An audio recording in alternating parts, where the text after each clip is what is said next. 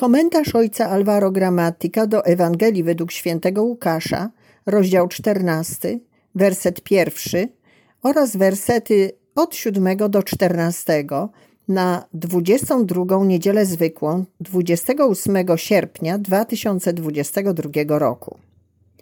Gdy Jezus przyszedł do domu pewnego przywódcy faryzeuszów, aby w szabat spożyć posiłek, oni go śledzili.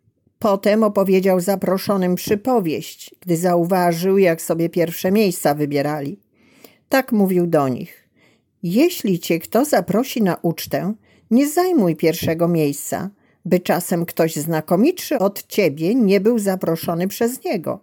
Wówczas przyjdzie ten, kto was obu zaprosił i powie ci: Ustąp temu miejsca. I musiałbyś ze wstydem zająć ostatnie miejsce.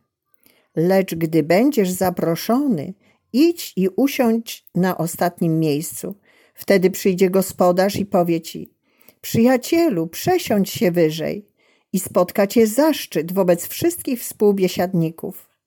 Każdy bowiem, kto się wywyższa, będzie poniżony, a kto się poniża, będzie wywyższony. Do tego zaś, który go zaprosił, rzekł: Gdy wydajesz obiad albo wieczerzę, nie zapraszaj swoich przyjaciół, ani braci, ani krewnych, ani zamożnych sąsiadów, aby cię i oni nawzajem nie zaprosili i miałbyś odpłatę. Lecz kiedy urządzasz przyjęcie, zaproś ubogich, ułomnych, chromych i niewidomych, a będziesz szczęśliwy, ponieważ nie mają czym tobie się odwdzięczyć. Odpłatę bowiem otrzymasz przy zmartwychwstaniu sprawiedliwych. W tym fragmencie Ewangelii przedstawiona jest scena, którą widział Jezus. Widział gości rywalizujących o pierwsze miejsca przy stole. Jezus ma okazję, by przedstawić im inną wizję życia. Nie chodzi tylko o maniery, ale o styl życia. To normalne, że przyciągają kryteria, które pozwalają myśleć, że zasługujesz na nagrodę, na uznanie za to, co zrobiłeś. Można twierdzić, że jest się lepszym, niż się jest w rzeczywistości. Natomiast Jezus wskazuje na przeciwną perspektywę nie wychodzić od nagrody, jaką można otrzymać, lecz od tego, co jest nam dane w darze. A dar wykracza poza kryterium zasługi. Dar jest darmowy i wolny. Aby został zrozumiany, zakłada sytuację niezasłużenia i potrzeby.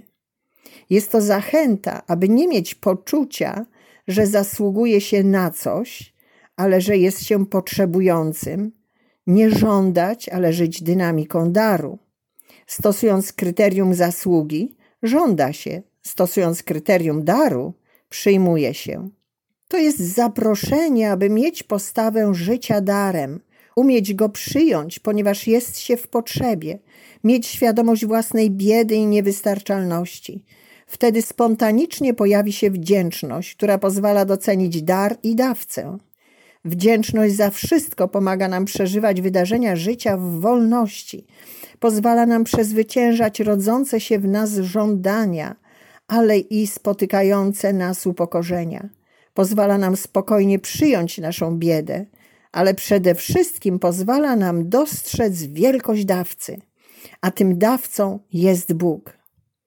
Dziękować oznacza otworzyć oczy nie tylko na naszą biedę, ale przede wszystkim na dobroć Boga, który wychodzi nam na spotkanie ze swoim błogosławieństwem. Wdzięczność umożliwia nam przyjęcie miłosierdzia Bożego jako daru darmowego i wolnego. Żyjmy więc w pełni darem, abyśmy mogli dawać bez żądania czegoś w zamian, bez czekania na odpłatę. Wtedy nie będziemy roszczeniowi, ale po prostu wolni i gotowi, by przyjmować i dawać. Będziemy żyć radością kochania i nauczymy się być prawdziwymi braćmi i siostrami. Jezus wyjaśnia to, zachęcając do zapraszania tych, którzy nie mają czym się odwdzięczyć. W rzeczywistości Bóg czyni tak wobec nas. Kiedy przyjmujemy Jego zaproszenie, odkrywamy, jak bardzo jesteśmy biedni, ale przede wszystkim, że jesteśmy błogosławieni i kochani. Jeżeli i my tak będziemy czynić, inni odkryją, że są mile widziani i kochani. Owocem będzie komunia i radość, podczas gdy my będziemy naprawdę wolni i bez postawy roszczeniowej, pewni, że jesteśmy kochani za to, kim jesteśmy, a nie za to, co dajemy. Wychowujmy nasze serca, ucząc się wdzięczności i dawania z radością.